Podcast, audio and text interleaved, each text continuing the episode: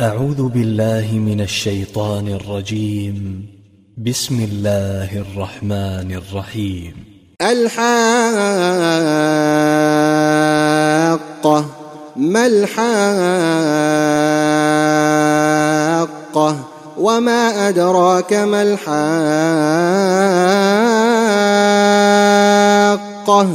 كذبت ثمود وعاد بالقارعة.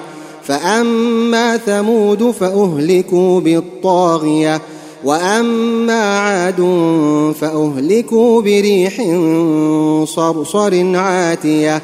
سخرها عليهم سبع ليال وثمانية أيام حسوما. فترى القوم فيها صرعا كأنهم أعجاز نخل خاوية. فهل ترى لهم من باقية؟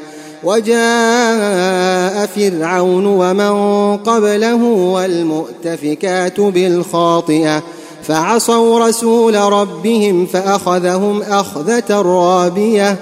أنا لما طغى الماء حملناكم في الجاريه لنجعلها لكم تذكره وتعيها اذن واعيه فإذا نفخ في الصور نفخة واحدة وحملت الأرض والجبال فدكتا دكة واحدة فيومئذ وقعت الواقعة وانشقت السماء فهي يومئذ واهية. والملك على أرجائها ويحمل عرش ربك فوقهم يومئذ ثمانية. يومئذ تعرضون لا تخفى منكم خافية.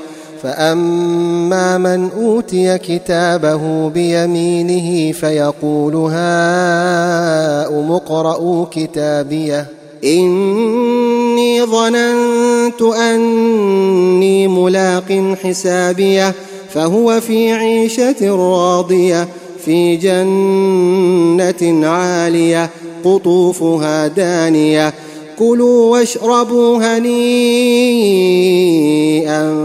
بما أسلفتم في الأيام الخالية. وأما من أوتي كتابه بشماله فيقول يا ليتني لم أوت كتابيه ولم أدر ما حسابيه يا ليتها كانت القاضية ما أغنى عني مالية. هلك عني سلطانية.